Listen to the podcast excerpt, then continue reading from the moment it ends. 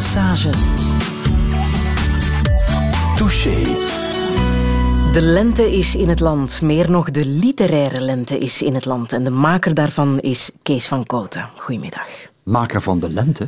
Van de literaire lente. De literaire, ja. Oh, Door het schrijven van dit fijne, fantastische boekje De Verrekijker, dat nu als boekgeschenk meegaat als je een eh, boek hebt gekocht, dat krijg je er gratis bij, mogen wij in Vlaanderen nu ook meedoen hè, met dat eh, boekgeschenk. Ja, dat was vorig jaar toch met Tom, met Tom Lanois. ook? die heeft het zo'n beetje op gang gezet. Eh, Nederland had het Boekenweekgeschenk en nu in Vlaanderen hebben wij ook een geschenkboek, moet ik zeggen, want we hebben er een, een, een andere naam aan gegeven. Enig idee hoeveel exemplaren er van de verrekijker over de toonbank zullen gaan? Eh, nee, ik dacht dat de oplage 750.000 was. Ja, dat is ik toch weet behoorlijk niet veel, hè? hoeveel literaire lente boekgeschenken daartussen zitten. Maar je kunt het ook als luisterboek nog krijgen. En ook downloadable krijgen voor je e-reader. Mhm. Dus het heeft meer gedaante dan de papieren gedaante. Ja, en vind jij dat fijn, dat er meer gedaantes zijn dan alleen maar de papieren Ik gedaante? moet ja zeggen, want het geeft niet hoe mensen kennis nemen van een tekst en hoe ze hem lezen. Maar deze uitgave maakt wel duidelijk dat je iets mist als je deze vorm niet in handen hebt. Bijvoorbeeld bij het eh, digitale lezen. Ja, je ziet één bladzij per keer hè, en je slaat het niet open met dubbele pagina's. En hier hebben we ook in de opmaak een grapje uitgehaald, waardoor er bovenin het verhaal een agenda meeloopt, het hele jaar. En dan zie je dus van maandag tot zaterdag de hele week. En twee bladzijden. Kijk, dat mist de man of vrouw die het op zijn e-reader krijgt. Want daar is het ook gewoon te klein, de tekst. Daar moet je allerlei dingen gaan uithalen, grafisch gezien, de ontwerper, om het leesbaar te krijgen. En dit gaat ook gratis over de toonbank. Ja, ja, ja, ja. Het leukste vind ik dat, dat, dat mijn zoon belde me gisteren en die zei... Die heeft ook een boek geschreven, is ermee ge- gedebuteerd. eh, het leven van Jackie Fontanel. En die zei, ik zag nu, want het is in een mid-price eh, afdeling gekomen, zijn boek... dat als je mijn boek koopt, krijg je jouw boek er gratis bij. Vind ik een In goed Holland. idee. In Holland, ja. ja. Een goede suggestie. Kees van Koot, ik ben heel blij dat je er bent. Ik ook, dat ik hier mag zijn. Touché. And on a Monday, I'm gonna love you. And on a Tuesday, I'm gonna hug you. And on a Wednesday, Thursday, Friday, Saturday, Sunday, gonna love you. I work for you, baby, work my hand to the bone. Care for you, baby, till the cows come home. Do for you, baby, for the love that I seek. Slave for you, baby, every day of the week. And on a Monday,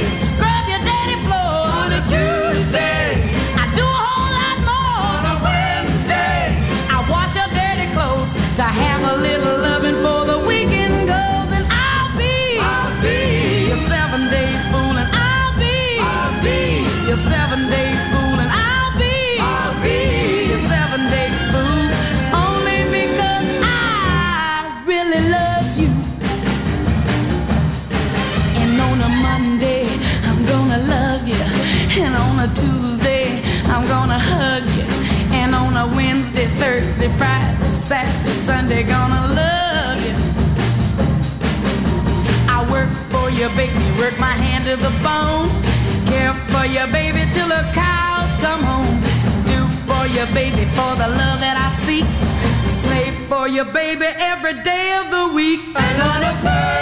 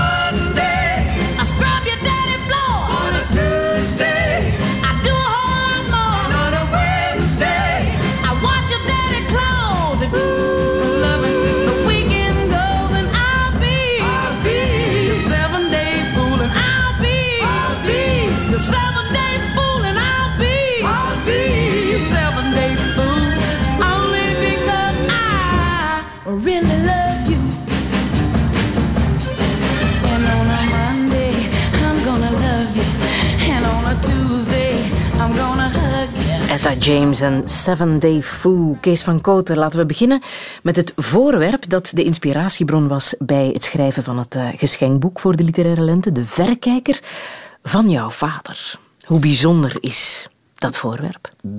Dat was de vraag die mij kwelde of die wel van mijn vader was. Ik zal het even kort samenvatten. Mijn vader werd geboren in 1909, ging als militair dienstplichtige jongeman eh, in dat, in dat Hollandse leger. Zwaaide af, ging aan het werk, werd toen weer opgeroepen tijdens de mobilisatie in 39, in 40 nog, eh, die eerste dagen meegemaakt. Toen nog een tijdje bij de opbouwdienst gezeten en is afgezwaaid. Uh, geen grote dingen meegemaakt in die oorlog. Wel spanning, maar niet echte gevechtshandelingen.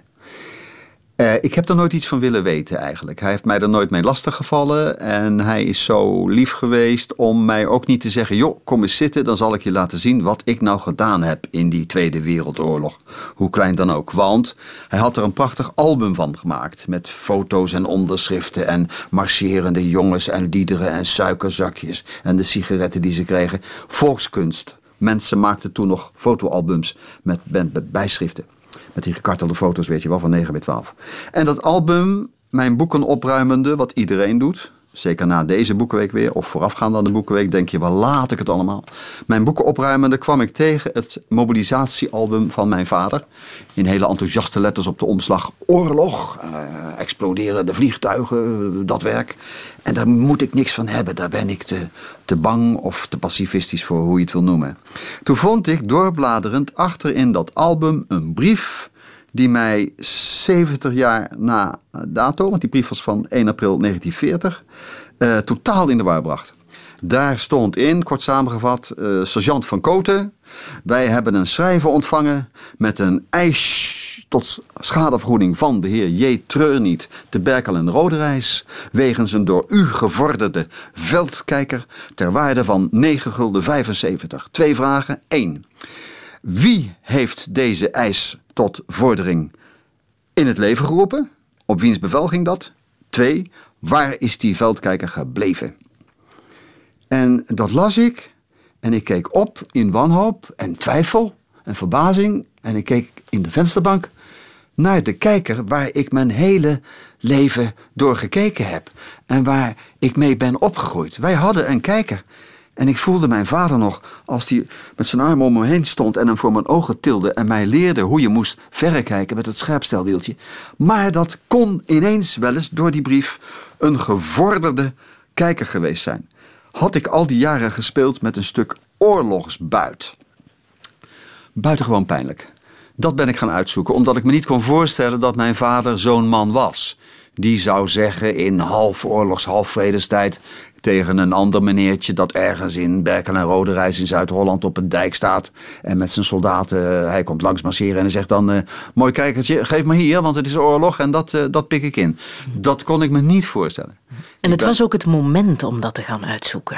Ja, het thema van onze boekenweek dan in Nederland is Gouden Tijden, Zwarte Bladzijden. En ik heb het altijd jammer gevonden als het Boekenweekgeschenk niet bij het thema bleef. Dat vond ik een beetje goedkoop, eerlijk gezegd. En toen dacht ik, ja, maar wacht eens even. Die, die, die zwarte bladzijde, dat zou dit wel eens kunnen zijn. En die gouden tijden, die zijn duidelijk. Dat waren de gouden tijden voor mijn vader en zijn kameraden. Er was saamhorigheid, er was spanning, er was gezelligheid. Samen zingen en marcheren, samen gymnastiek doen, uh, uh, schietoefeningen. Mijn vader heeft nooit zo mooie jaren meegemaakt van vriendschap en onderling vertrouwen en spanning en fideliteit als, als die dagen.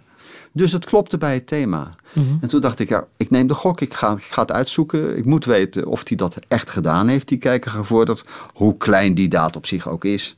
En toen ben ik eerst naar het NIOD gegaan, het Nederlands Instituut voor Oorlogsdocumentatie. Die brief laten zien en het album, daar waren ze verrukt van. Dat zoeken we nou juist, zo'n album met die persoonlijke getuigenissen. En Ja, terwijl dat het verhaal toch heel klein is. Hè? Je kan niet zeggen dat het een verhaal van levensbelang is. natuurlijk. Nee, natuurlijk niet. Nou ja, maar wel een verhaal van literair eh, levensbelang voor mij. Want ik ging eigenlijk als twee personen op zoek naar de waarheid. En als, eh, als, als eh, schrijver en als zoon. En dat had ook wel eens eh, verkeerd kunnen uitpakken helemaal. Ik zeg nog niet hoe het is uitgepakt, dat zou jammer zijn. Maar ik heb die tocht eh, vrij intensief gevoerd. En ook het, eh, het militair archief, ten dele overgegaan in het Nationaal Archief. Een hoop verwoest van dat archiefmateriaal. En ik ben gaan zoeken en ik heb gefantaseerd hoe het gegaan zou kunnen zijn. En fantaserenderwijs en schrijvenderwijs kwam ik nog op allerlei zijlijnen eh, die vergelijkingen trokken tussen hoe het leven toen was. Dat je bijvoorbeeld maar van alles één had nog in huis. Eén fotocamera, één radio, één verrekijker, één stoffer en blik. In plaats van de overvloed waar we nu in verkeren. En ik heb allerlei nog eh, allerlei rancunes en, en, en, en kwaadheidjes van me af kunnen schrijven over het moderne leven. Zaken die mij absoluut niet bevallen. En omdat dit een grote oplage is, eh, kan ik die wel eens helemaal veranderen. En is het voor eeuwig wereldvrede. Ja.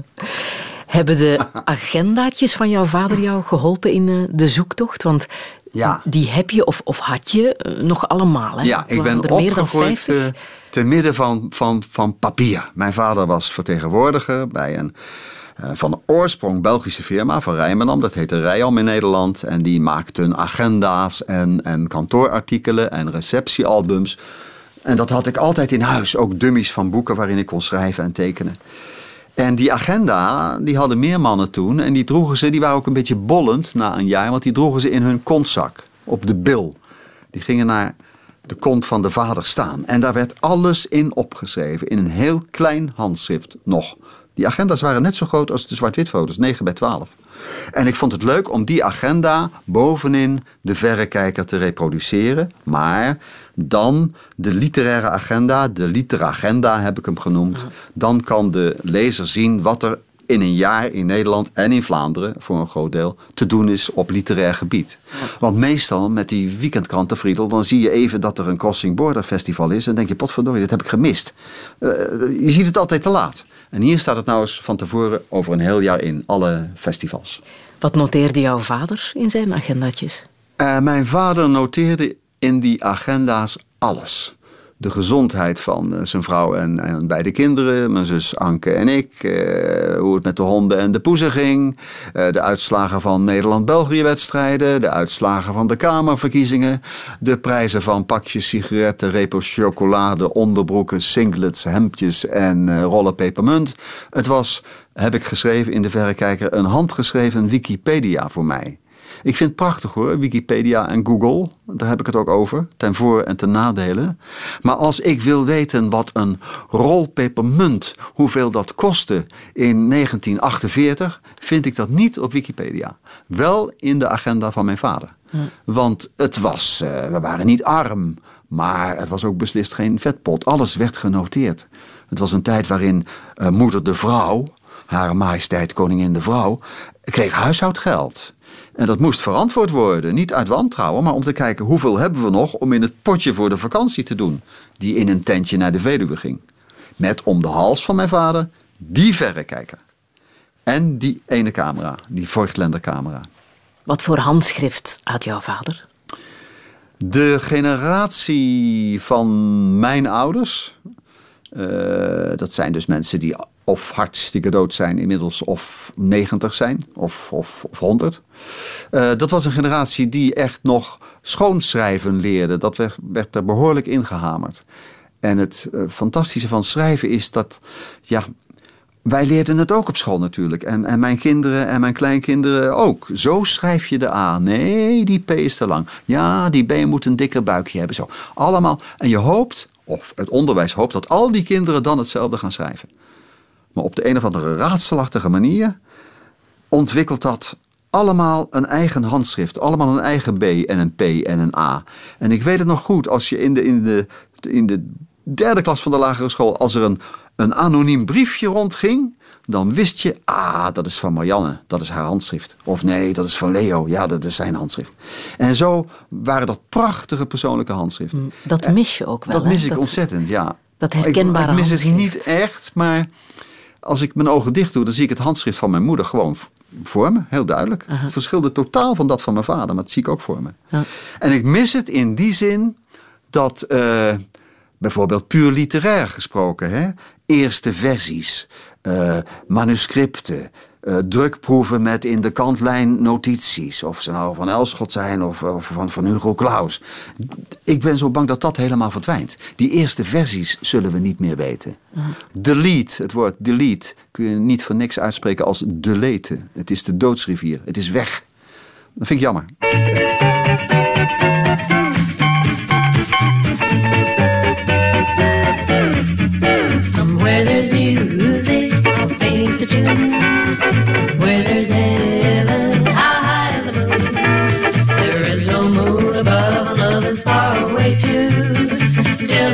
Till it comes true that you love me it's I love you. Somewhere there's music, out there how far. Somewhere there's heaven, it's where you are. The darkest night would shine if you would come to me soon. And until you will, still my heart,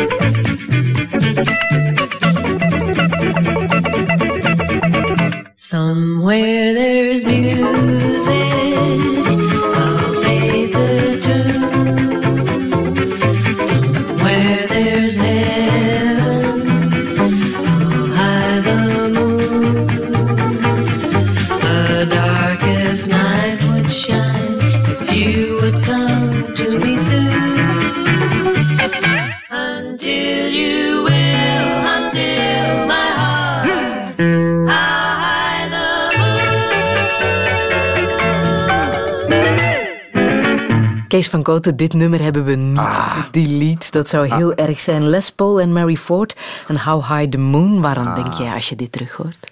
Eh, mijn moeder was zo goed en lief om mij redelijk vaak eh, schoolziek te laten zijn. En eh, dat was een feest, want dan werden er twee stoelen, twee leunstoelen tegen elkaar geschoven. En dan kreeg ik een dekentje van mijn bed over me heen. En dan ging mijn moeder staan strijken. En dan kwam om tien uur het radioprogramma Arbeidsvitaminen. En daar werd eh, dit nummer heel vaak in gedraaid. How High the Moon. Hadden jullie ook zo'n oude pick-up? En eh, ik heb nog zo'n oude pick-up. Ja? En de oude pick-up komt helemaal terug. En ga jij terug uh, De platen draaien? bakkeliettelefoon komt terug. Komt allemaal terug. Nou, ik draai Dan- heel veel platen nog. Ja, ik heb platen niet weggedaan.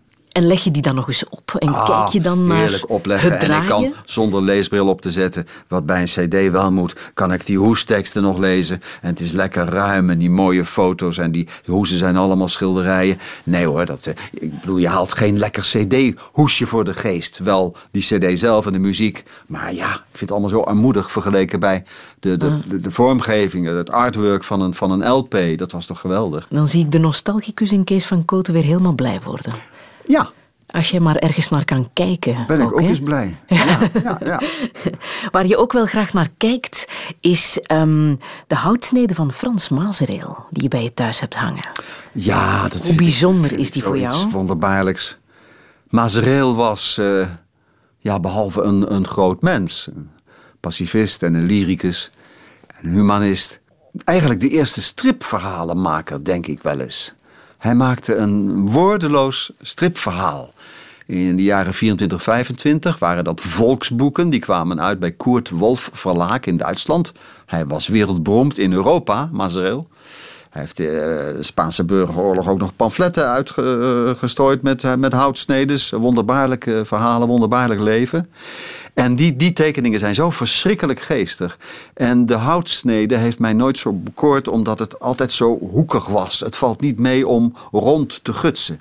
En Mazareel was, naar mijn bescheiden mening, de eerste houtsnijder die erin slaagde om ronde welvingen te maken die, die volkomen geloofwaardig waren en buitengewoon geestig omdat hij zichzelf ook hout snijdt. Die figuur is een hele Don Draper-achtige, eh, Dick Bos-achtige gestalte. Een slanke uh, jonge man, een poëticus die dwars tegen de massa's ingaat en zich niet laat bevelen. En op de kerktoren klimt en op de gegoede burgerij pist. En op de regenten een uilenspiegel. Fantastische verhalen. Fantastische verhalen. En hoe komt zo'n houtsnede bij jou aan de muur? Daar ben je echt naar op zoek gegaan? Je hebt een fascinatie voor iets ontwikkeld, of die ontwikkelt zich nog, is nog bezig zich te ontwikkelen. En vanaf dat moment kom je hem steeds tegen, zo'n naam. En toen heb ik een, een, een tocht gemaakt. Dat doe ik graag als pensionado. En dan ga ik opzoeken waar hij gezeten heeft en welke uh, buitenhuisje hij had aan de Franse kust en bij Boulogne en op een pier gestaan en een boot geschilderd. Welke pier dat dan was, dat vind ik heerlijke tochten. En dan spreek je mensen, een conservator, Joris van Parijs, heeft een prachtige biografie van Mazareel geschreven waar ik heel veel aan had. En dan uh, weet je waar, waar je zoeken moet. En zo heb ik uiteindelijk voor mijn vijftigste verjaardag van Barbara, mijn vrouw, een schilderij van Mazareel gekregen. En daar was ik zo van in de war dat ik, dat ik aan het eind van die verjaardag. eh, ja, ik kon er niet zo goed van slapen. En, en ik ben wel zes, zeven keer uit bed gegaan om ervoor te gaan zitten en, en dat te bekijken. Weet je wel. Zoals je vroeger naar een paar nieuwe voetbalschoenen keek die naast je bed stonden bij een verjaardag. En dan s'nachts wakker worden, het licht aandoen, nog eens ruiken en nog eens kijken. En dat had ik daar weer mee. Toen dacht ik, nou aan die roep moet ik maar gehoor geven. Dus ik heb toen besloten alles van hem te weten. En ik denk dat ik er niet ver vanaf ben. En toen nog een paar houtsneden op de kop getikt ook. En ik kan mij voorstellen dat jouw vrouw wist dat ze je daarmee een plezier kon doen voor je 50 Ja, want ik had al wel eerder werk van hem eh, zien afgebeeld. Hij heeft ook ongelooflijk veel eh, geïllustreerd. Ja, dan krijg je toch een soort hebberigheid over je. Hè? En die heeft ze wel ingevuld, Barbara. Mijn vrouw vult al mijn hebberigheden in en aan. Ze is de belangrijkste ontmoeting in jouw leven, hè? Oh jee.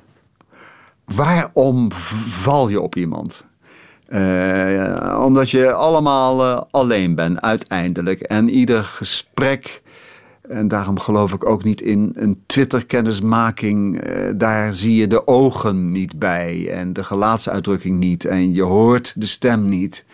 Maar ieder gesprek eh, hoop je dicht bij iemand te komen en dan dezelfde angsten of pleziertjes met iemand te delen. Of, dat is in mijn geval heel belangrijk, hetzelfde gevoel voor humor.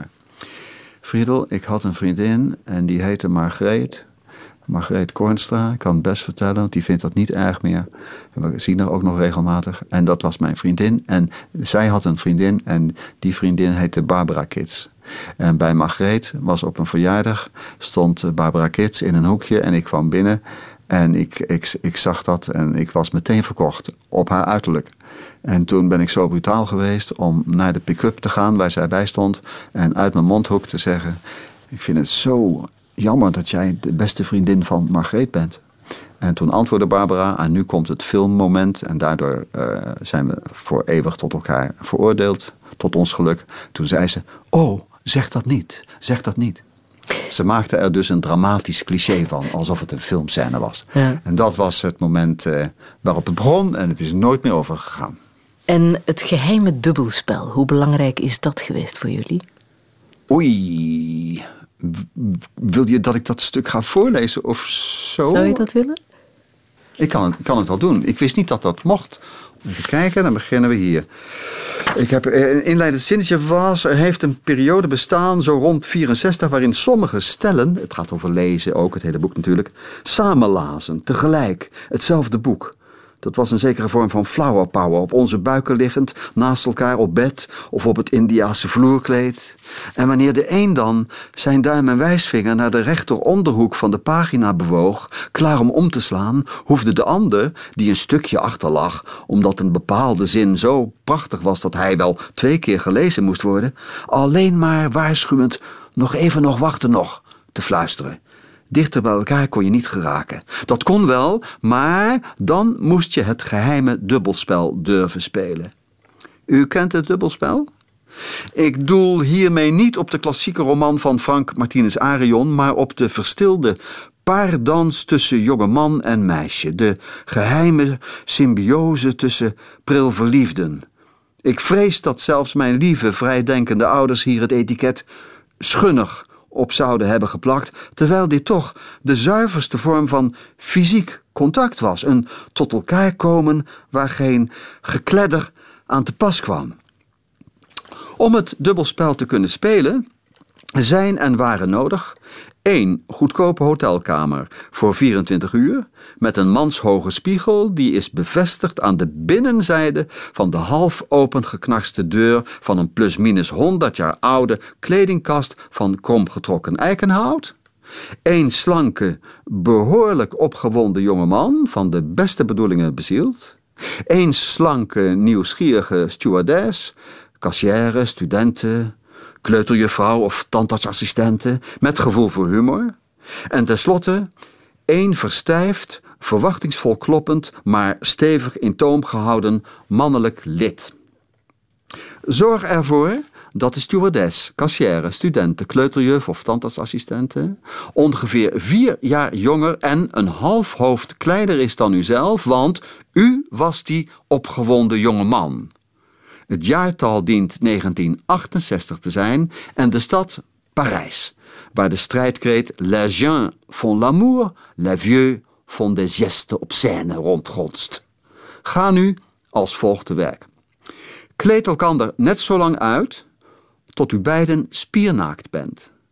Draai het stoute maar lieve vriendinnetje nu met haar voorzijde naar de spiegel Ga achter haar staan, blijf haar in deze spiegel liefdevol aankijken en maskeer haar borsten met uw beide handen die u tevoren heeft gewassen.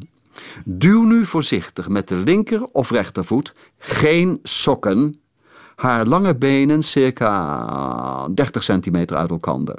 Steek het klaarstaande lid nu zo ver en zo hoog mogelijk door de vrijgekomen ruimte onder haar blozende billen naar voren, tot u in de spiegel ziet hoe de eikel hiervan uitgelaten opduikt tussen haar kortgekrulde schaamhaar.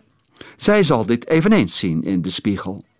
Geniet getweeën, zachtjes wiegend, onbeperkt van de aldus geboden, zinsbegoochelende aanblik, terwijl u beiden, vagelijk beschaamd, maar rillend van heerlijkheid, hardop blijft ademen. Laat de tandartsassistenten, kassière, studenten, kleuterjuf of stewardess op haar gemak en zolang zij maar wil, gefascineerd haar tijdelijk getransformeerde geslacht bewonderen en zichzelf in de spiegel best een aantrekkelijke Adonis vinden.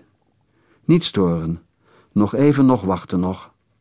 Eenmaal terug in Holland, keurig samen trouwen, haar nooit meer loslaten en elkander regelmatig stukjes voorlezen.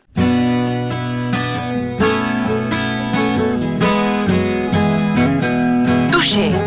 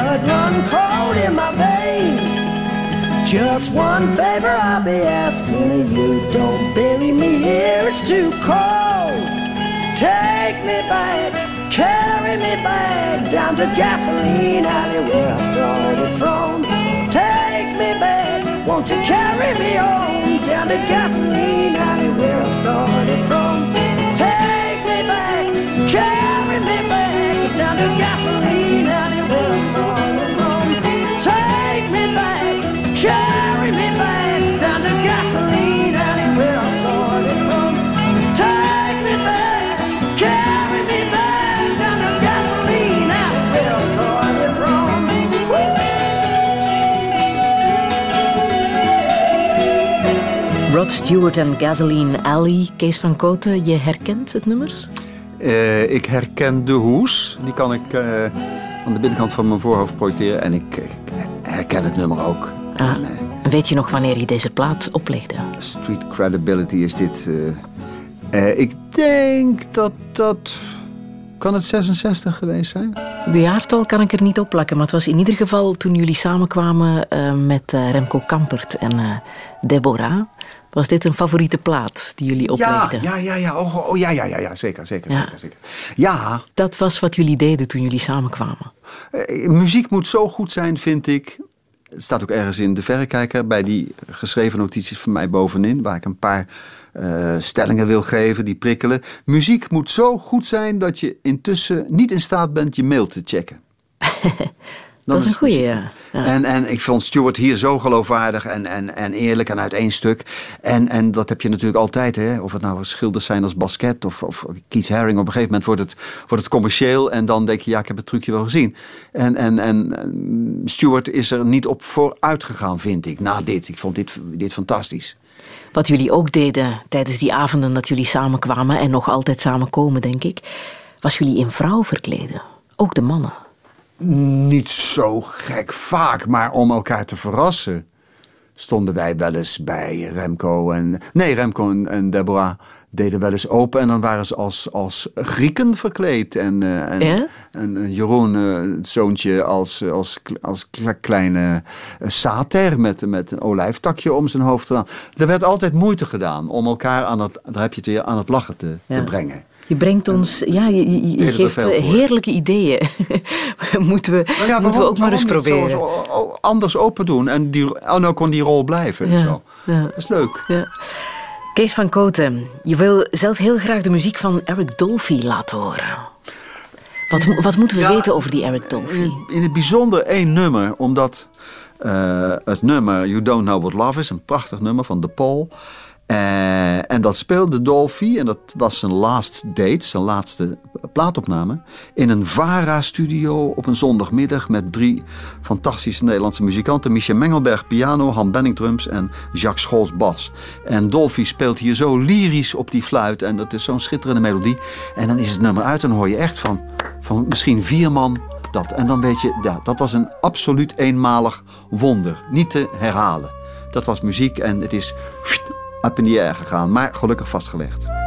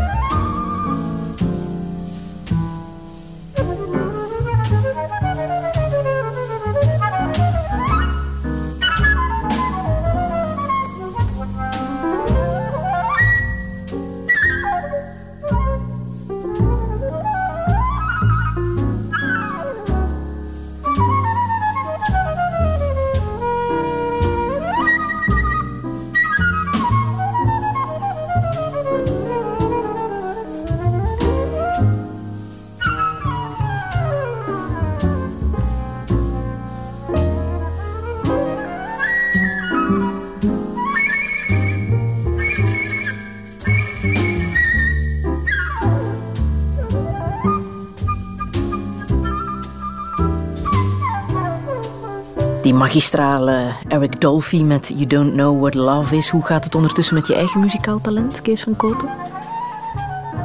Een lang zwijgen. Een hele lang van een stilte. ik moet het opgeven, ik moet redelijk zijn. Ja, ik ben nu eh, 71 en dan elke dag weer zeggen... nou, ga, van, ga vandaag eens goed studeren en, en, en er komt niks van. Die trombone, die heb je... Ja, heel, heel af en toe neem ik hem wel eens mee. Als ik met muzikanten mag optreden, met de, met de ploktoons van Anton Goudsmit... heb ik, heb ik nog You Don't Know What Love Is eh, getracht te spelen. Met, maar het, het werd weer niks. Mensen vinden dat prachtig. Die denken dat, dat, ik, dat ik expres al die uitgeleiders maak. En dat, dat speel ik dan ook maar dat het zo is. Maar het is... Nee, ik kan het niet. Mijn zoon wel en mijn vader kon het, maar het heeft mijn generatie overgeslagen. Kees van Koten, wat is jouw levensmotto? Dat is een kwatrijntje van Heinrich Heine. En dat luidt... Schlage die Trommel und fürchte dich nicht und küsse die Marketensterin. Das ist die ganze Wissenschaft. Das ist der Bücher tiefster Sinn. Vrij vertaald? Eh, meppen op die trommel, nergens bang voor zijn. En kus de mooie meisjes. Daar gaat het allemaal om. Meer hoef je niet te weten. En dat is de diepste bedoeling en zin van alle boeken. En dat is ook jouw levensmotto. Ja, Wat vind je daarin terug? één meisje, dat, dat is Barbara. Nee, eh, kom op er tegenaan. Alle dagen feest. We, eh, dat is een kreet van Remco, hè? Alle dagen feest. Eh, we krijgen maar één kans. We weten wel, oké, we gaan allemaal dood. En wat zou het voor een eh, tijdverlies en een energieverlies zijn om dat, om dat dagelijks te herhalen en te denken, nou wat heeft het voor zin? Het is op een gegeven moment toch allemaal afgelopen. Die dood, dat is de zin van het leven, dat tegenaan. En elke dag genieten, oren en ogen wijd, open. Eh, niet staren. Als ik op straat loop, zie ik mensen staren. Of dat schermpje nou een postzegel groot is, of het schermpje van de, van de iPhone, of het schermpje van de laptop, of het tv-scherm. Eh, er wordt gestaard. Mensen zitten op telefoons te staren. Nog even ertussendoor, Friedel. Als ik vroeger ging wandelen met mijn moeder en, en ik lag in de, in de kinderwagen, ik denk me dat ook te herinneren. Eh, maar ik zal wel naast mijn moeder hebben gelopen en mijn zusje lag in die kinderwagen. Dan praatte mijn moeder tegen die kinderwagen. En dat kind lag te kijken naar boven. Ze zei: Kijk, bomen. Zie je dat? Wind is de wind. Bladeren. Ja, waf, waf, waf. Hoor je? Hond. Waf, waf. Een kind leerde in die kinderwagen. Ik ben nu in Antwerpen, logeer ik een paar dagen heerlijk, als altijd. Ik zie moeders lopen achter die kinderwagen en ze kijken niet in die wagen. Ze lopen te bellen en ze kijken op hun mobieltje. Het is verschrikkelijk. Wat dat aan, aan opvoedkunde scheelt. Wat dat aan, aan taal bijbrengen scheelt. Dat is vreselijk. Nou, kijk, daar maak ik me dan kwaad om. Doe maar. Dan wil ik echt zeggen, mevrouw, geef mij die kinderwagen. En dan ga ik wel lopen en dan zeg ik, kijk, bomen. Kijk, bladeren. En dat, dat is echt waar. Dat is een een krankzinnig fenomeen. Hoe zou jij je moeder omschrijven? als de beste kleuteronderwijzeres die ik, die, ik, die ik ooit heb gekend. Als beste lerares. Ze was kleuteronderwijzeres. En ik was ook zo gek op haar natuurlijk. Uit een soort compensatie. Omdat in die klas van haar eh, vlogen al die kinderen bij binnenkomst om haar nek. En omdat mijn vader natuurlijk ook werkte. eh, Moest ik, omdat er nog geen crèches waren. Mee naar die kleuterschool. Tot ik naar de lagere school ging. En ja, dan was ik natuurlijk ontzettend jaloers op al die kinderen die aan mijn moeder zaten. Ik denk dat eh, de psychiater, voor zover ik hem eh, nog nodig zal krijgen, maar ik denk dat het nu te laat is, eh, het heel makkelijk kan herleden hoor, waar het allemaal bij mij vandaan komt, die geldingsdrang. Oh, ja? Ja, absoluut. Absoluut. Absoluut.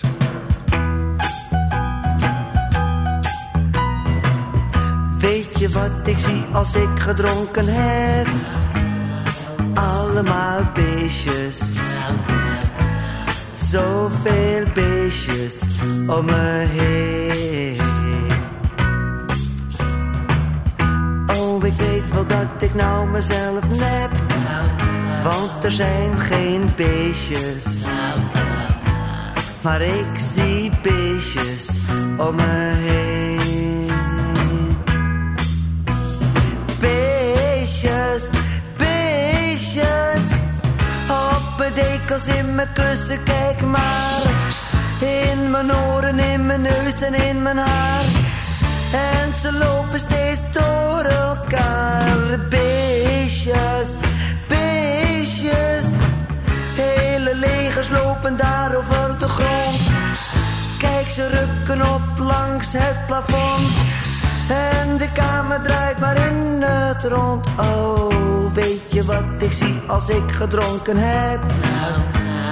Allemaal beestjes. Zoveel beestjes om me heen. Beestjes, beestjes. Langs de drempel in een hele lange rij. Door de sleutelgaten komen zij erbij. En ze kijken allemaal naar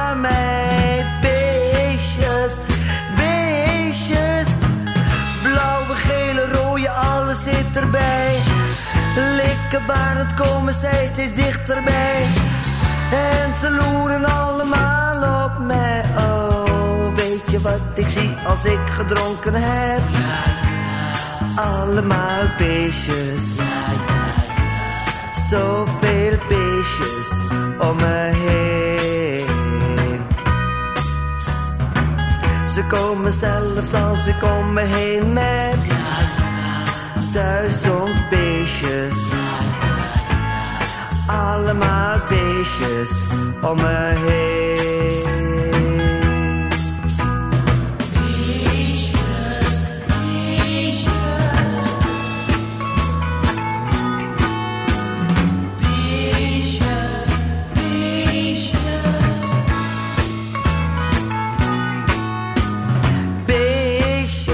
Beestjes. Van Ronnie en de Ronnies. Kees van Oh ja. Laten we het ook even hebben over jouw fascinatie voor beestjes. En eh, voor dat lijvige boek Les Souvenirs Entomologiques van Jean-Henri Fabre. Een, eh, een turf van 4000 pagina's Nee, ongeveer. nee eh, dik, twee- dik 2000. Dun druk. Ja, 2000. Dundruk 2000. Ja, dat is toch behoorlijk wat, hè? Ik heb tenminste, ik heb een editie in twee delen. Veel van die, eh, die hoofdstukken en beschrijvingen zijn ook los uitgekomen. Hij was buitengewoon populair. Een merkwaardige man. Eh, Maar wat weet je daarover, over die Jean-Henri Fabre? nou ja, wat, wat was hij niet? Hij was dus een hele vrijgevochten docent ten eerste, een leraar. Mijn leren is spelen. Eh, de natuur in. Hij was entom, en- entomoloog, eh, insectenkundige, hij was wiskundige, hij was aquarellist, hij was schilder. eh, fantastisch. En bioloog.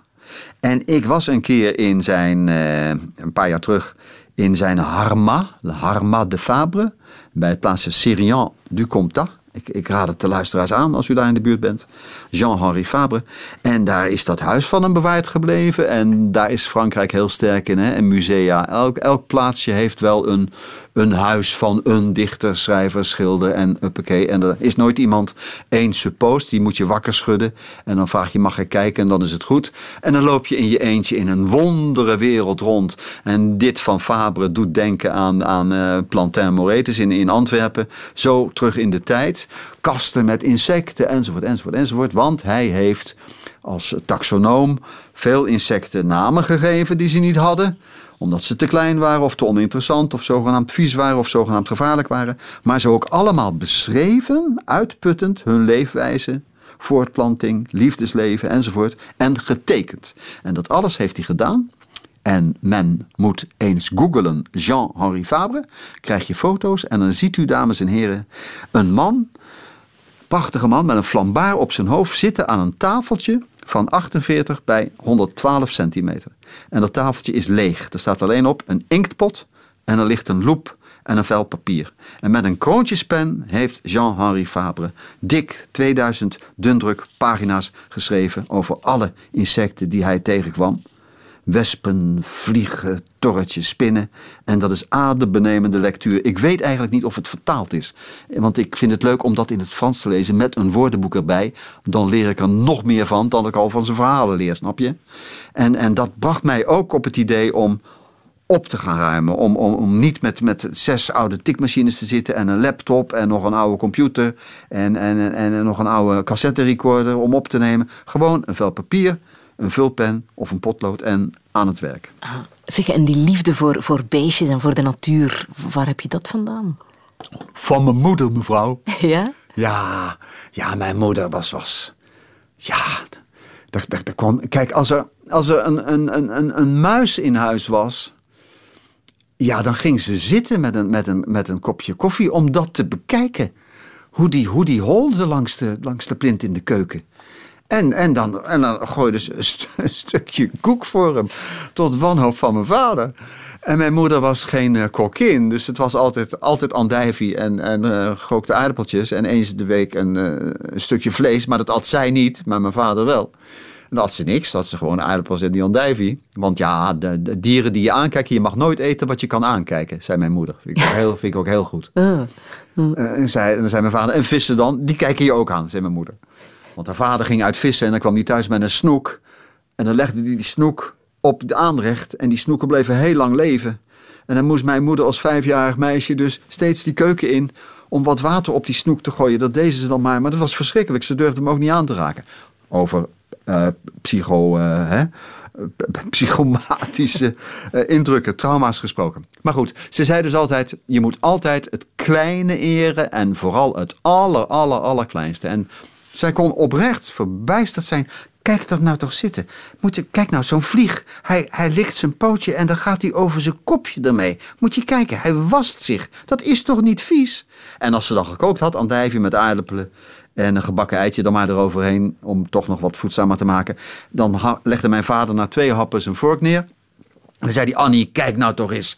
En dan deed hij zijn vingers zo uit elkaar, duim en wijsvinger. En dan had hij één hele lange haar tussen zijn vingers. En dan zei mijn moeder, wat geeft het nou? Hij is van onze eigen honden. Zo moeder, daar heb ik het van geleerd.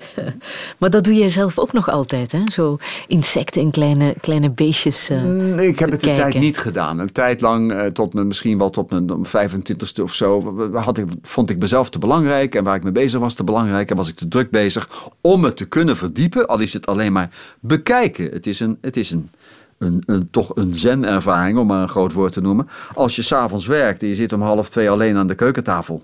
Televisie en radio uit en een fles wijn aan. En dan zit ik daar en, en dan, dan wacht ik op papier, want ze moeten niks hebben van een laptop of van elektronica. En dan verdomd komt er altijd een lieve heersbeestje. Oké, die zijn weinig interessant verder, maar dan goed wachten. En dan komt er een spinnetje waarvan je niet gelooft dat het zo klein kan zijn. Rood, kleiner dan een speldenknop. En dat volgen en kijken hoe dat over je kladblok gaat. En in die gaatjes met die ringetjes dreigt te verdwijnen. En bij elk gaatje weer over de rand kijkt. En dat die haakse bochten maakt in plaats van ronde bochten. Fantastisch. En dan denk je, dat is spannender dan, dan Madman of Breaking Bad of Borgen of The Killing. Nou, en dat zijn momenten waarop je denkt, nou, meer heb ik niet nodig.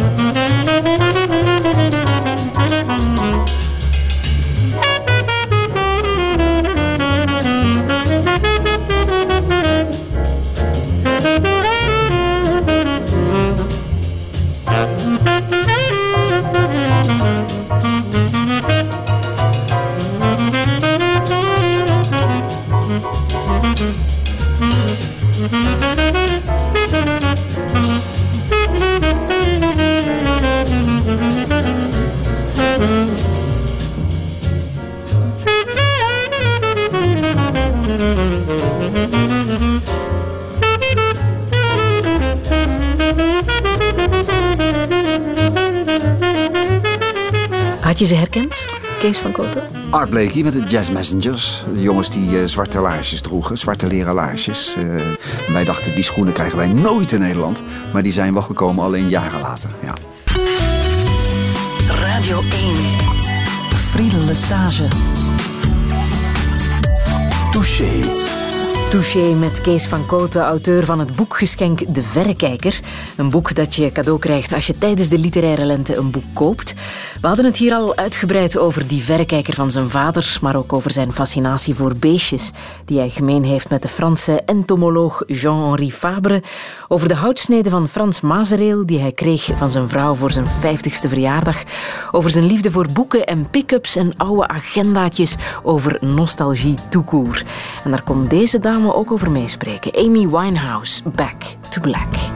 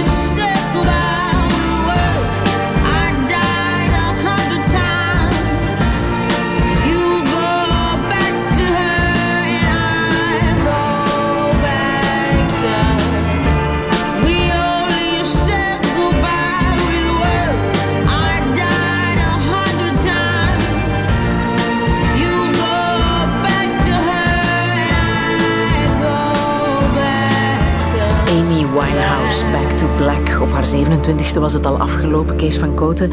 Hm? Wat heb je met Emmy? Niet, niet zoveel bijzonders hoor, maar soms hoor je een nummer en dan is dat nummer ingehaald door de werkelijkheid. En dan zingt de zanger dus voor jou in jouw oren met een, met een extra geloofwaardigheid en een extra somberheid. En ik vind dit zo'n prachtig. Eh, ik zou willen zeggen, uh, veel specter arrangement met die, bijna die doodsklokken er ook nog in. En haar totaal vermoeide en hopeloze stem. Prachtige korte tekst. Ik vind het een fascinerend nummer. Ze valt samen met haar publieke leven hier in dit nummer. Had Sinatra eigenlijk ook. De songs van Sinatra waren altijd dubbel interpretabel, omdat men dacht dan: hé, hey, wacht even, hij is net van Eva Gardner af en ja, nu is die somber en uh, One for the Road en, en, enzovoort. Dat gevoel. Als je het vertaalt, het publieke leven wat je van iemand kent, en dat wist je helaas van haar, en je hoort in die song dat het zo onderstreept wordt. Ja, dat vind ik fascinerend. Mm. Fascinerend nummer. En ook heel straf dat ze al zoveel bekende nummers heeft uh, kunnen opnemen voor haar 27ste. Hè? Wat trouwens nog veel andere muzikanten uh, voor hun 27ste hebben gedaan toen ze stierven ja, op die ja. leeftijd. Ja, en achteraf denken wij dan als publiek, ze hebben zoveel gedaan en zo hard gewerkt, omdat ze op de een of andere manier wisten dat ze zo, zo weinig tijd hadden. Hè? Mm. Jij was 27 in 68, hè? Zoiets? Ja, ja, ja 68. Wat had jij toen al gepresteerd? Ik, we, we waren, we, Wim en ik, waren al wel op de tv in 68. We zijn begonnen in 63 als, als twee mannetjes op de radio die in clichés spraken. De cliché-mannetjes heten dat. En die, die werden vrij populair. En toen mochten we een keer bij Mies Bouwman in een programma komen. En, en toen mochten we verder op de tv in het programma Fanclub. Gepresenteerd door Sonja Barend. En het was een popprogramma. En daar kunnen Wim en ik nog steeds behoorlijk over opscheppen. En dat gaan we ook steeds vaker vertellen. Dat gebeurt zoals je ouder wordt. Hebben we jullie wel eens verteld dat wij in één kleedkamer zaten op de Leidse Kade in, het, in de Paloniezaal onderin, de geïmproviseerde Vara televisiestudio met Jimi Hendrix, The Kings, die Amen Corner, Rod Stewart enzovoort enzovoort. Dat was fantastisch. Dat is allemaal gebeurd. Nou, en toen daar, dat viel ook aardig op dat programma. En toen ontmoetten wij Dimitri Frenkel Frank was een fantastische tekstschrijver en, en regisseur. En die maakte een programma, die ging een satirisch programma maken. En dat was eigenlijk het eerste satirisch programma op, op tv. En dat heette Hadi Massa. En toen zijn we naar de VPRO gegaan in 72. En daar begonnen we met het Simplistisch Verbond. En dat is in allerlei gedaanten en onder allerlei titels doorgegaan tot 98. CV in het kort. Dat is het antwoord. Ja. ja. Um, maar wist je toen op je 27e humor, dat is wat ik wil doen in mijn leven, dat ga ik verkopen? Nou, ik schreef ook al wel voor de, voor de Haagse Post. Uh, de eerste treitertrends uh, verschenen, het eerste bundeltje in 1964. En dat waren dialogen, uh, opgetekende, verzonnen dialogen. Omdat die tijd, die 60s, uh, hele eigenwijze mensen. En er werd behoorlijk gebloot en gezocht naar, naar zichzelf. En de reclame vierde hoogtijd ging allemaal hartstikke goed. Elke beroepsgroep had zijn eigen jargon om een geheimtaal te ontwikkelen waar het publiek geen bal van begreep. Of dat nou bankiers waren, of, of artsen, of, of, of kunstenaars. En al die jargons heb ik geprobeerd op te tekenen. En uh, die probeerde ik wel altijd leuk te maken. Vanuit mijn arrogantie, omdat ik vond dat die mensen belachelijk waren. En dat je het maar hoefde op te tekenen en een beetje te verdraaien, zodat dat werkte. Maar ook zelf wat dingen verzinnen af en toe. Ik herinner me bijvoorbeeld dat. Ik had, ik had één treitertrend, dat was een van de eerste. Jullie hadden toen Jan Thijs, de presentator van het Knokken Songfestival, de voorloper van het Eurovisie Songfestival. En Jan Thijs heette bij ons in Nederland de pratende vierkleuren ballpoint, omdat hij vier talen sprak. En uh, dat ging dan ongeveer als, vol, uh, ongeveer als volgt. Uh, and now, und jetzt, et maintenant, et thans, maintenant, madame, monsieur, meine Damen und Herren, caballero, caballeros, signora, signorita, va cantare, vangt zum zingen aan, is going to sing for you, va chanter, enzovoort, enzovoort. Dat ging pagina's door, weet je wel. Guy Mortier heeft jouw humor ooit omschreven als de zuurstof voor de maatschappij. Essentieel voor de volksgezondheid. Heb je dat zelf ook zo gezien? Nou, dat, ja, ik ben Guy eh, erg, erg dankbaar daarvoor. Maar Guy is ook een hele goede sloganmaker, hè. Maar het is wel heel mooi gezegd, hè? Het is, nou ja, En maar humor, zit veel humor, waarheid in. in. het, in het algemeen hè, is natuurlijk de, de, de brandstof. En het is, het is zo eenvoudig hoor. En ik wil niet een, een heilsprofeet eh, gaan uithangen hier op de zondagmiddag. Als, als, ik, nou, als ik nou straks eh, de, de, de studio uitloop eh, hier. En ik ben, bij de, bij de, bij de, ik ga langs de portier en, en die zit daar en die zit een beetje neutraal te kijken of een beetje somber te kijken. En het is helemaal leeg daar. En ik loop langzaam en ik zeg, "Poeh, het is wat hè met die drukte, even rust op deze stille zondag. Dan kijkt hij eerst en denkt hij, wat zegt hij? En dan, dan ontwikkelt hij een kleine glimlach van, oh wacht even, hij bedoelt het tegenovergestelde. En dan zijn we even samen creatief. Dan gaat hij antwoorden, nou, poeh, hartstikke moeder van hoor. Dat is de kunst. Of de kunst, dat is het gemak juist. Dat is het eenvoudige. Dat kan je met een taxichauffeur doen, met, met, met, met, met, met iedereen. En we, Bedoel je dat we dat zelf wat meer zouden moeten dat uitproberen? we wat wellevender zijn, wat meer aandacht voor elkaar hebben, wat beleefder zijn. Als ik dus die studio uitloop straks bij jullie en het is een mooie zondagmiddag en ik, kom, en ik sla daar de hoek om en eh er ligt een fiets over de stoep. Dan ga ik niet dat boogje om die fiets heen maken hoor. Dan til ik hem op en ik zet hem neer. Het vervelende van deze tijd is alleen dat die beleefdheid, wat al een veel te groot woord is voor zo'n simpele vanzelfsprekende handeling, die beleefdheid wordt gezien als de deugd van de losers. Mensen die dat nog doen, die wellevend zijn, beleefd zijn, een deur voor iemand openhouden of iets oprapen wat, wat, wat, wat daar ligt en wat het uitzicht of de situatie verpest, die dat doen, die worden door de andere mensen bovenuit het raam eh gekenschetst als moet je die lul zien, die loser zeg.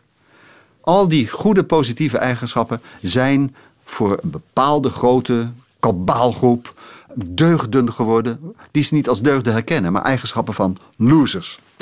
Wat waren eh, de deugden van de typetjes die je speelde? Hadden jullie een soort profiel waar ze moesten aan voldoen om, eh, om ze uiteindelijk ook eh, te gebruiken in Nou ja, wij, hebben altijd eh, ge- ten eerste gekozen voor de minimale vertekening.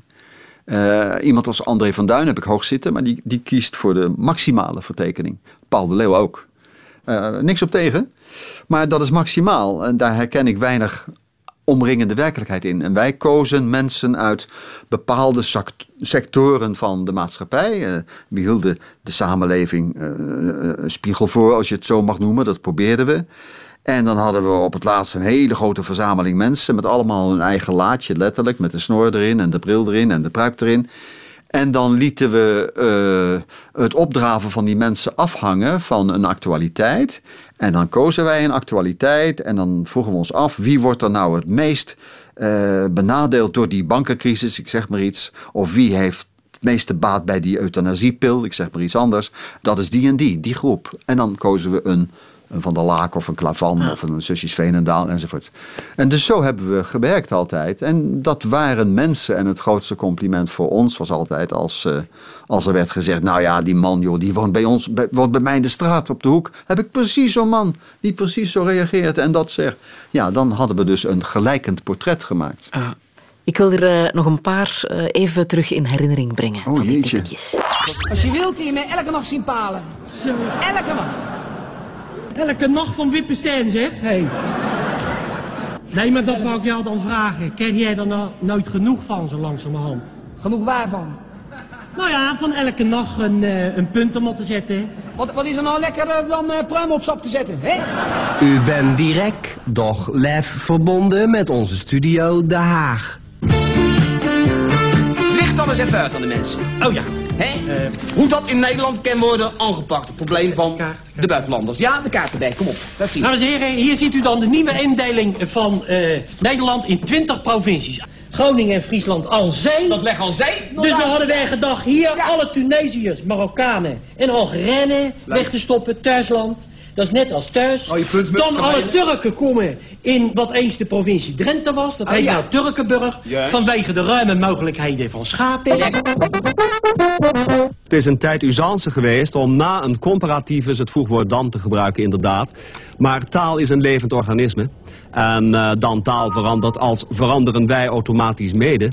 En wat hebben wij nu zien gebeuren? Dat als en dan elkaar steeds vaker zijn gaan overlappen dan het ware. Dus het mag allebei, zegt u eigenlijk. Ik kan natuurlijk niet zeggen van eh, als en als zijn als en dan eh, gelijk. Dat moment kan ik niet aanwijzen, maar als dan mede dan zijn straks volmaakt gelijkwaardig. Touché. Het blijft heerlijk om ze terug te horen. Ik zal het zelf niet opzetten. Nee? Nee, niet meer. Nee, ik heb nooit een oude komiek willen worden. Ik ben opgegroeid met Toon Hermans, Wim Kan en Wim Sonneveld. En ze zijn alle drie, naar mijn smaak, te lang doorgegaan. En dan slaat de bewondering, de aanvankelijke bewondering, om in een zekere gêne. En dat eh, wilden we voor zijn.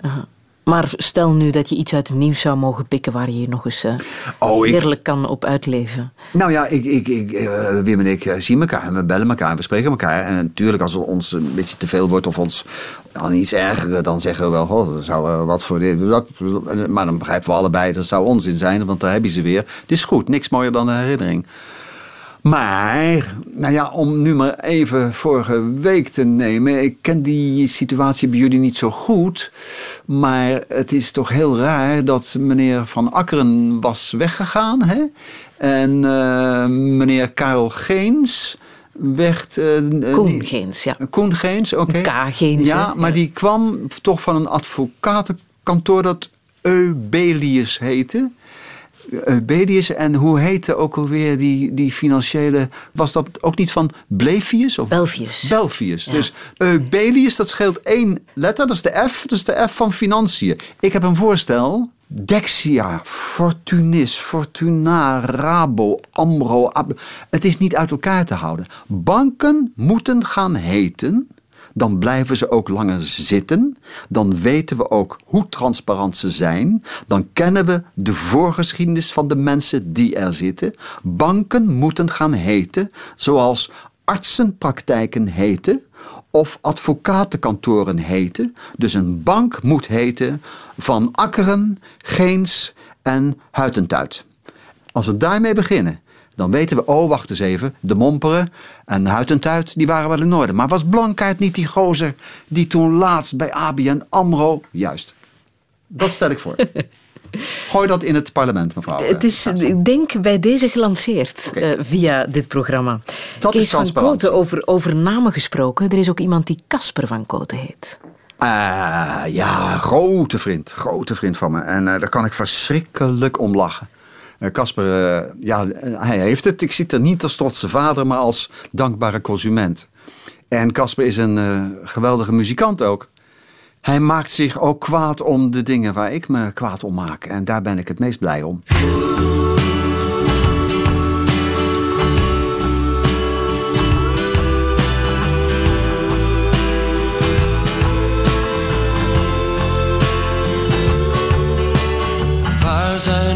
Bescheiden, verlegen, onzekere mensen gebleven? Je komt ze bijna niet meer tegen. Niemand is nog nederig. Iedereen zo zeeuwig luid overtuigd van zichzelf en zijn eigen mening. Lopend door de stad valt het zo op. En ik denk bij elke arrogante kop,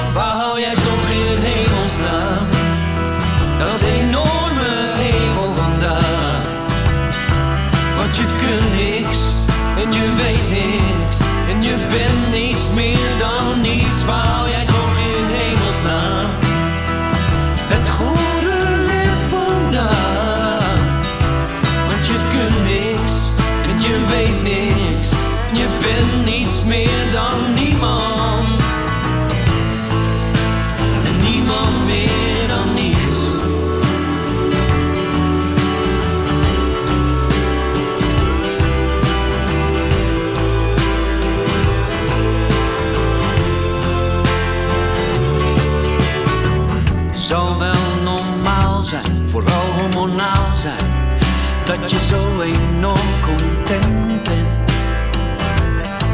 Terwijl je nauwelijks talent hebt.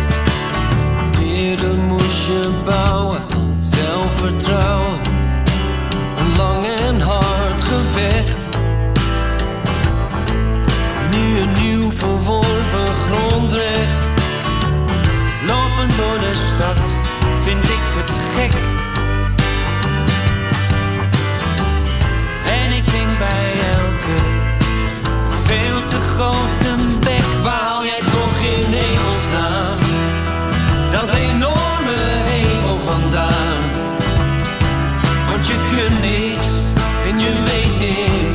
En je bent niks meer dan niets.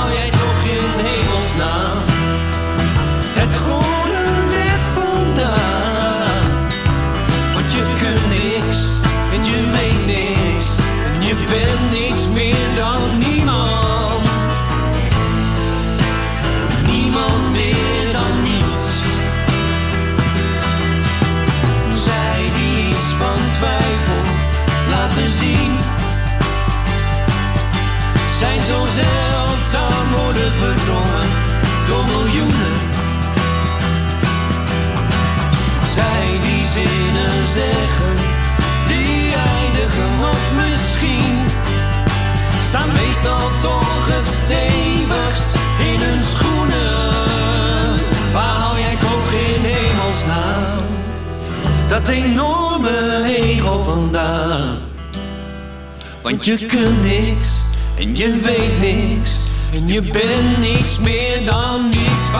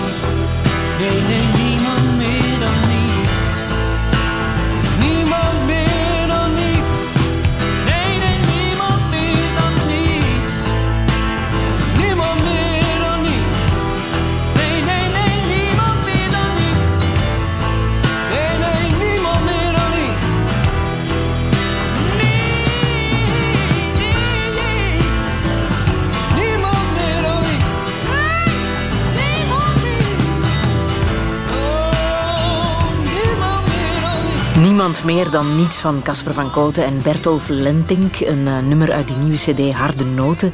Heel goede tekst ook. Hè? Niemand is nog nederig. Iedereen zo schreeuwerig, luid en overtuigd van zijn mening. Heeft hij daar gelijk in? Papa? Ja, vind ik wel. Ik had het net even over hetzelfde, hè? Over Ja. eh, de, de, de, omgevallen fiets oprapen, om, om dat beeld nou maar te houden als makkelijkste voorbeeld. Ja, daar heeft hij gelijk in. En Caspar ergert zich daar wezenlijk aan. En Bertolf ook. Ze hebben elkaar gevonden. Omdat ze ook generatiegenoten zien die het allemaal wat makkelijker opnemen. En zeggen, joh, maak je niet druk, stel je niet aan. Maar ja, dit, is, dit raakt de kern van ons eh, sociaal omgaan met elkaar. En ik vind heel blij dat, dat, dat zo'n nummer is geschreven wordt. In plaats van altijd maar weer, je bent weg en waarom en eh, mag ik met je mee en waar blijf je nou? En, nee, gewoon eens even irritatie over de mensen om ons heen. Een oproep tot, eh, ik zou bijna liefde zeggen. Ze hebben ook een prachtig nummer gemaakt dat heet Zusje. Omdat ze allebei een zusje hebben, Casper en eh Bertolf. En dat ze die zusjes eigenlijk te weinig zien. En dat heb ik ook, dat gevoel. Dan kan ik makkelijk eh, tranen in de ogen krijgen hoor, als ik dat hoor. Ik zie mijn zusje ook te weinig. Je groet ermee op en het is zo vertrouwd. En voor je het weet ben je verloofd, getrouwd, uit elkaar. eh, de geografische spreiding, je gaat ergens anders wonen. En degene die het meest na is, zie je eigenlijk het minst. En daar hebben ze dan ook een prachtig nummer over. Vooral in de zaal is het mooi, omdat ze dan 8 mm filmpjes draaien van mijn Ah. dochter en van Bertolfs eh, zusje. Een trotse papa, zie ik hier. Ja, zeer tevreden, zeer trots. Ja? En, en waanzinnig houdend van. Ah. Was je daarmee bezig toen, toen ze opgroeiden? Wat gaat daar later van worden, van die, die twee kinderen? Nee hoor, Barbara en ik hebben. eh, ik wil niet zeggen dat, dat, eh, dat er een recept voor is. Maar je moet bijvoorbeeld nooit tegen een kind zeggen omdat ik het zeg. Ik hoor zo vaak ouders zeggen omdat ik het zeg. Dat is, dat is geen reden, dat is geen excuus eh, voor niets. Dus ik vind, ja, zo, zo jong mogelijk als, als, als gelijken met elkaar praten en alles uitleggen en, en, en, en voorlezen. Als je een kind voorleest, en ik las Kim, mijn dochter, voor toen ze vier was, eh, las ik Villa de Rose aan Kim voor. Dat is belachelijk. Dat is belachelijk ook.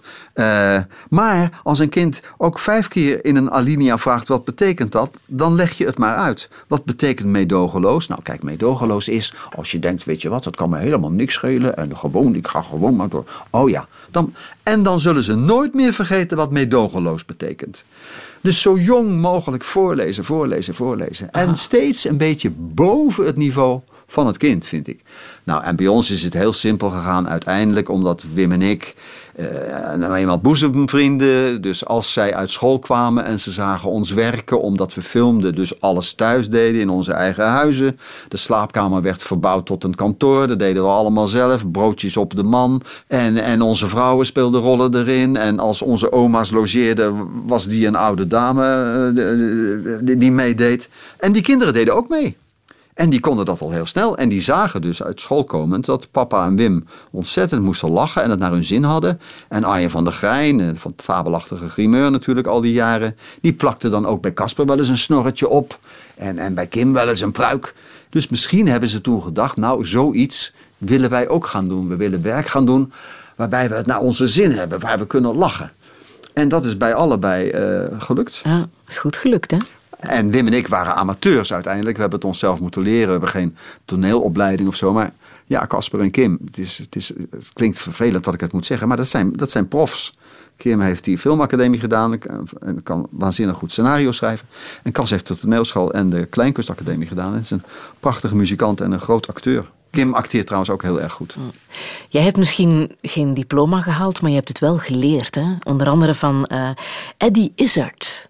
Waarom is dat jouw grote mentorvoorbeeld? Het is niet mijn grote voorbeeld hoor. Want dan moet ik gaan denken in categorieën als Buster Keaton, de eerste Woody Allen films, Monty Python. Maar eh, gezien de beroepsgroep stand-up comedians, vind ik, is het echt op een, op een ho- oorconcours staan. Iemand die zo intelligent gewoon eh, de geschiedenis behandelt, de, de, de talen, de, de samenleving, eh, de financiële crisis, notabene, en er dan zo uitziet als is het. Het is nou eenmaal een travestiet, een volbloed travestiet, en dat geeft hij graag toe. En je vergeet helemaal dat hij staat te acteren met een belachelijk zilver colbert aan en eronder een maillot en op hoge hakken. Zonder dat hij het daar ooit over heeft. En opgemaakt en die ogen, dat vergeet je totaal. En hij is zo eerlijk daarin. Hoeveel types zien we niet, vooral op de Nederlandse televisie, die alsmaar koketteren met het feit dat ze, dat ze nicht zijn, dat ze homo zijn. Ik als gay man mag zeggen dat. En al die, al die stylisten en die zangers, ik word er gek van. Ik heb niks tegen ze, maar ik weet het nou wel. Als, alsof ik elke keer zou gaan zeggen: ja, als hetero vind ik dit een heel lekker gebakje. En ja, als hetero is dat natuurlijk een auto die ik niet moet nemen. En, enzovoort, enzovoort. En is dat zegt er niets over. Af en toe, bij een bonus track van een fantastische DVD van hem, zegt hij, als de interviewer het vraagt. Waarom maakt u zich op? Zegt hij, ja, omdat ik niet anders kan. Maar dacht je dat ik dat leuk vond? Om een uur bezig te zijn met mijn ogen? Tuurlijk niet. Fantastisch. Ontwapenend. Ik wil eh, Izzard even laten horen. Hij heeft het over eh, de beroemde speech van JFK in 63 Oh ja, hij is wel meedogenloos. in Berlijn. Back in the 60s, though, back in the 60s, President Kennedy became the president of the United States of America. And, uh, and he, he went to Berlin. He went, stood on the Berlin Wall and he said, People of Berlin, I wish to say to you, Ich bin ein Berliner. And the crowd went fucking wild. Trouble is, Ich bin ein Berliner means I am a donut. And. Uh, This is true, and this is what he said. He said, I am a donut. You know, because Ich bin Berliner is I am a Berliner, but Ich bin ein Berliner is that's the name of a donut they have there. And it's like going to Frankfurt. I am a Frankfurter. Taal, het is altijd een goede bron van humor. Hè? Ja, een zeer belezen jongen. En, eh, hartstikke. Hij, hij, hij, hij loopt ook niet als een gek heen en weer. Als, als die loopt, is dat functioneel. Is het een, een illustrerend loopje. En hij heeft een handmicrofoon nog, hè? Niet die rare beugel en een fantastische microfoontechniek.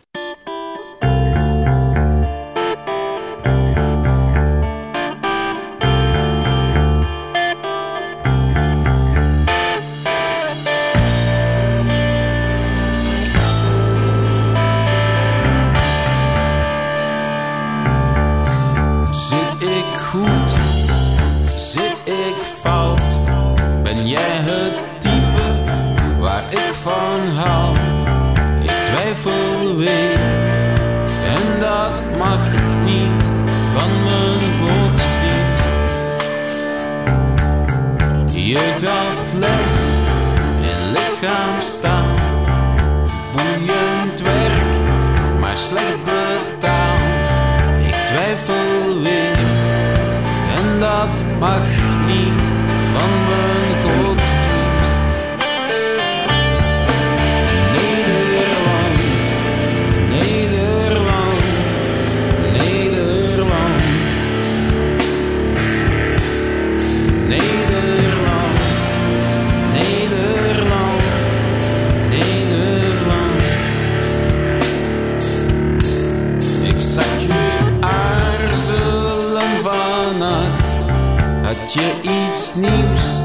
van mij verwacht? Of had je toch aan iemand anders gedacht? Ik kan niet leven, ik kan niet zijn, kan niets beslissen, doe iedereen pijn.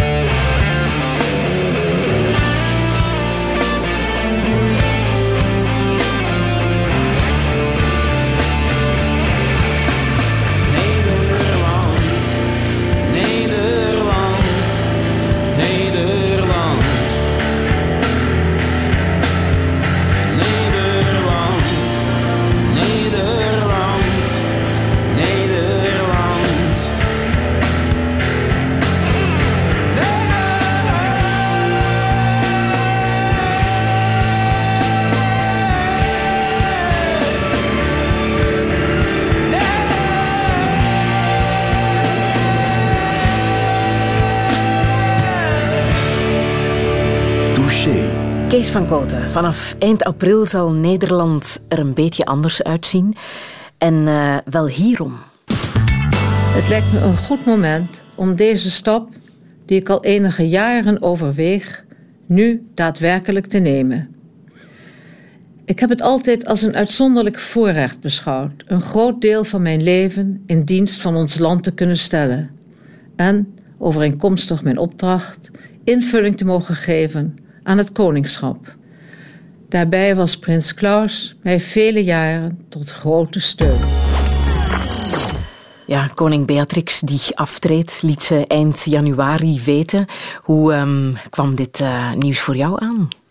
Ik waardeer koningin Beatrix zeer. Ik heb een hoge hoed op van haar menselijkheid, van haar smaak. Heb je ze ooit ontmoet? Nee, nee, nee, nooit ontmoet. Nee. En dat zal misschien ook niet meer gebeuren. Dat gebeurt niet. Nee, nee, dat gebeurt niet. Het is niet erg. Op afstand vind ik dat wel mooi. Dus dat lintje ga je ook nooit krijgen. Nee, mijn vader had een lintje dan na die oorlog en ik heb eh, nooit een lintje gekregen. Nee, Wim ook Vind niet. je hoor. ook echt erg? En dan, en dan ben ik heel eerlijk en dan kijk ik diep in het eigen herten. En dan zeg ik, ik vind dat erg omdat ik nu niet de kans heb om te zeggen... ze wouden me een lintje geven en dat moet ik niet hebben. Ah ja? Ja. Dat zou je dan niet Ijdel aannemen? weigeren. Nee, ik vind het nu te laat. ik vind het nu te laat. Hadden ze eerder moeten komen.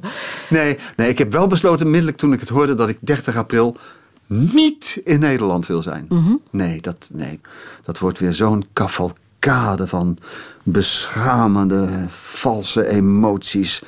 Met, dat, met die vreselijke, nieuwe, gebotoxte kleur oranje uitgedoste, dronken mensen in de stad en Maar waanzinnige... hoe komt dat dan dat Nederland zo chauvinistisch is op zo'n moment? Zo? Zo chauvinistisch is, zo houdt van Nederland op zo'n moment. Omdat ze achter elkaar Polonaise kunnen lopen en, en die aansteker nog niet leeg is. En ze kunnen zwaaien en doen. En omdat eh, de, de, de zangers, ik zal ze niet bij naam noemen, maar die worden ook graag gehoord door eh, Willem-Alexander.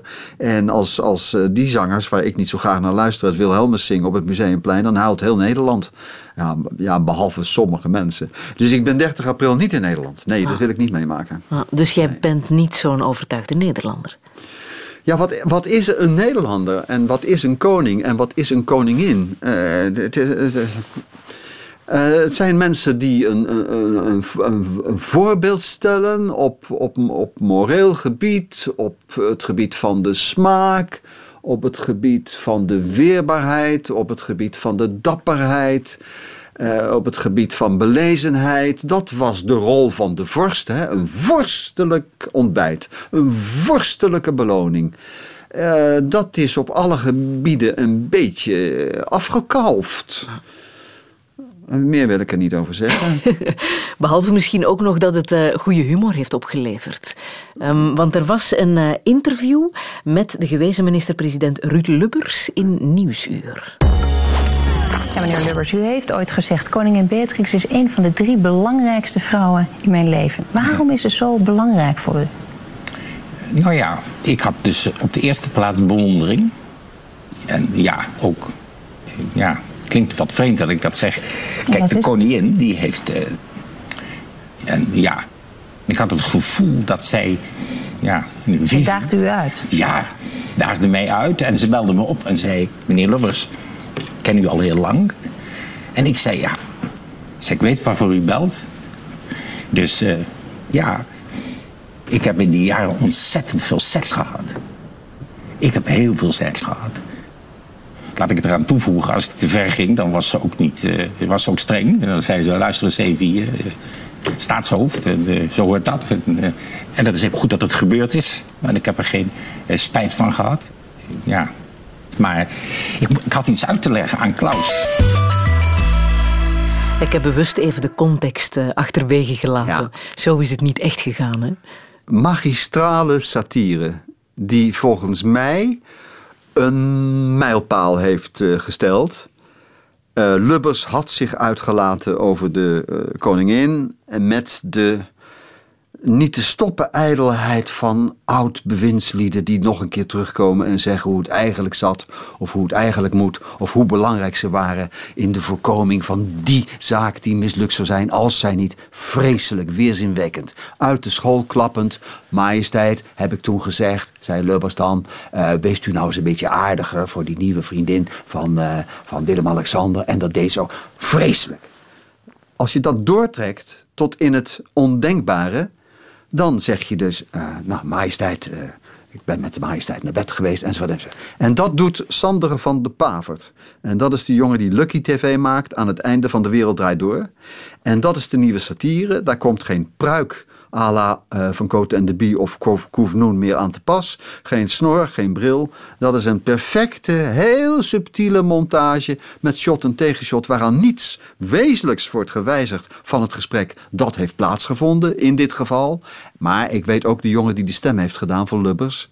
En dat is helemaal geniaal en dat is Remco Vrijdag. Op die manier kun je satire maken die alles slaat. En waar, waar, waar niemand iets tegenin kan brengen. Ja, blij dat er een nieuwe generatie. eh, Nou, ge- Ja, die jongen, die jongen is opgestaan. 30 en die, die leest elke dag de krant. Gaat om 7 uur aan het werk en heeft dan s'avonds een krankzinnig filmpje van 1 minuut. dat 10 satirische scènes overbodig maakt. Zo moet het. Ja. Such a shame to believe in escape a laugh on every face, and that's a change. Till I'm finally left with an aid. Tell me to relax, I just stare. Maybe I don't know if I should change a feeling that we share. It's a shame.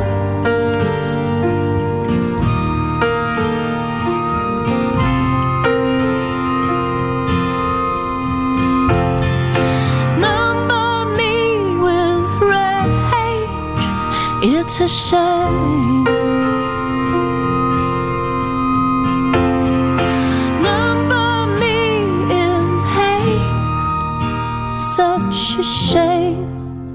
This eagerness to change.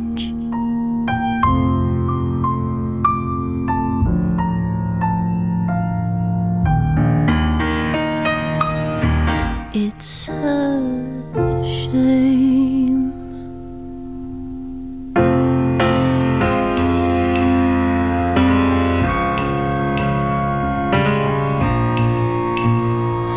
Dice decide my faith, and that's a shame.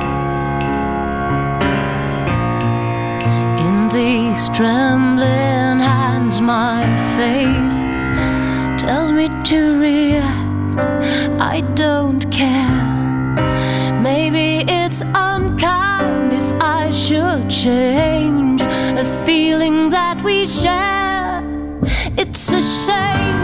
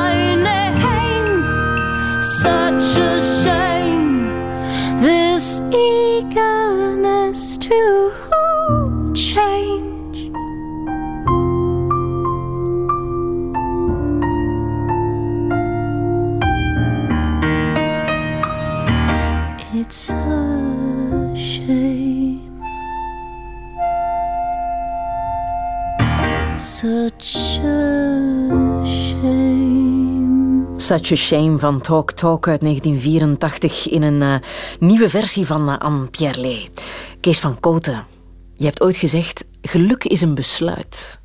Wat bedoel je daarmee? Jeetje, heb ik dat ook gezegd? Ja. Nou ja, eh, dat is- te kort, te kort door de bocht, hè. Het is een verstandig besluit om te besluiten zo gelukkig mogelijk te worden. Ten koste van niemand anders dan jezelf. Nou, laat ik het dan zo wat rommeliger formuleren. Maar geluk is een besluit. Ja, ja. Ik mag het niet zeggen, want er zitten mensen te luisteren natuurlijk ook die, die zeggen ja, makkelijk praten. En mijn man is net overleden aan kanker en eh, ik moet morgen naar eh, de dokter en ik ben ook bang dat er iets aan de hand is. En ik hoor niks meer van mijn zoon of van mijn dochter. Eh, ik heb makkelijk praten. Dus ik wil die, die uitspraak herroepen. Ja? Ja, Hmm. ja. Wat zou je dan zeggen? Eh, hou van iedereen en vooral van jezelf. En wantrouw iedereen en vooral jezelf. Dat is je boodschap. Ja, Doe je dat zelf ook? ja. Elke dag? Van vroeg tot laat. En hoe lang zou je dat nog willen volhouden? Eh, tegenwoordig zegt men, eh, ja, over een aantal jaren kunnen we 120 worden. En je leest het ook vaker in interviews. Hè? Ik ben van plan 110 te worden, dit en dat. Ik ben nu ouder geworden dan mijn grootvader en eh, mijn vader zijn geworden. Dat is een beetje, geeft een beetje een schuldgevoel, eigenlijk. Hoor je, dat was een, bijna een lubbersstemmetje. Geeft een beetje een schuldgevoel, natuurlijk, weet ik wel. Ja, misschien laat ik nou nog, nog, nog, nog vijf jaar composmentis zijn, bijvoorbeeld. Dat ik geen waanzin brabbel of onzin schrijf. Dat, dat zijn 1500 dagen. En dat is belachelijk weinig. Dus ik ga me met, met onzin ga ik me niet meer bezighouden. Als een film de eerste twee minuten me niet pakt, ga ik hem niet uitkijken. Als een boek me de eerste twee alinea's niet pakt, ga ik het niet uitlezen. Nee, daar heb ik geen tijd meer voor. Als je terugkijkt, ben je blij zoals het is gegaan? Ik mag eh, eh, alle opperwezens op, op mijn knieën danken dat het zo gegaan is. Zelfs ook de manier waarop je bent gestopt met de samenwerking met Wim de Bie? Jawel, dat kon niet anders. Dat, dat kon niet anders. Nee, dat, dat, dat ging niet anders. Ineens ging het licht uit, hè?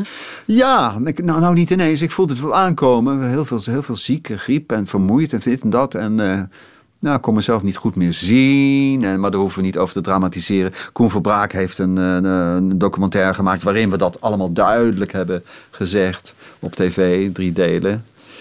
Laten we daar maar niet meer over praten, joh. Het is Nee? geweest. Ja, Ja. het is geweest. Ja, dat parkeer je. Dat, eh, Ja, voorbij. ja. Want we Ja. moeten anders. Kijk, ik wil, dat, dat is een onderdeel van die 1500 dagen. Ik, ik ga het niet meer hebben over dingen die ik niet meer kan veranderen of die, die gebeurd zijn. Eh, Ik, ik, moet, ik, moet, ik moet door. Ik moet andere dingen doen.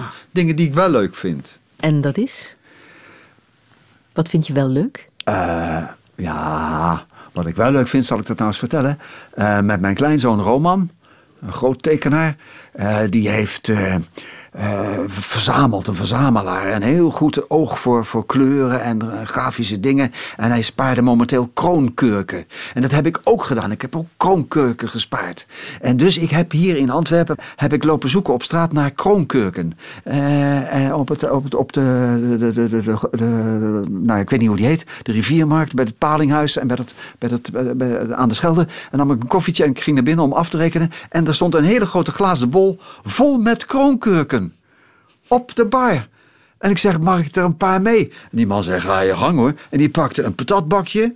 Helemaal vol met kroonkurken. Dus nu ga ik morgen naar huis, is het maandag. En voor, dan breng ik hem naar school. En dan komt hij uit school. En dan zeg ik, kijk eens wat ik voor je heb. En dan ga ik niet liegen hoor. Ga ik niet zeggen, dat heb ik opgeraapt en gezocht op de straat. Want hij zoekt voor mij altijd spijkers en schroeven en moertjes. Omdat ik knutselen zo leuk vind. Maar dan zeg ik, kijk eens wat ik heb. En dan, en dan weet ik zeker dat hij een rode kop krijgt en zegt... Oh, die heb ik nog niet. En die en die, die. Nou, die dingen. Dat liefst de hele dag. Ik zou dus het liefst schooljuffrouw zijn op een crash... voor kinderen tussen de twee en de vier jaar. En dat 12 uur per etmaal.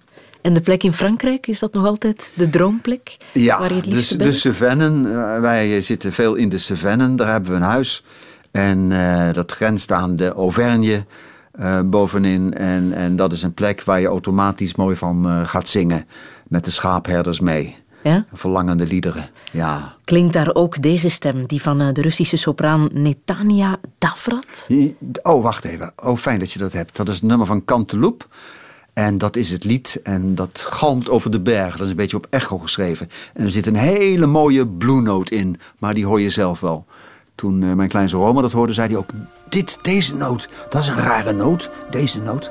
En Casper heeft nu zijn cd en zijn programma Harde Noten. Dus ik heb eh, niet zoveel noten meer op mijn zang.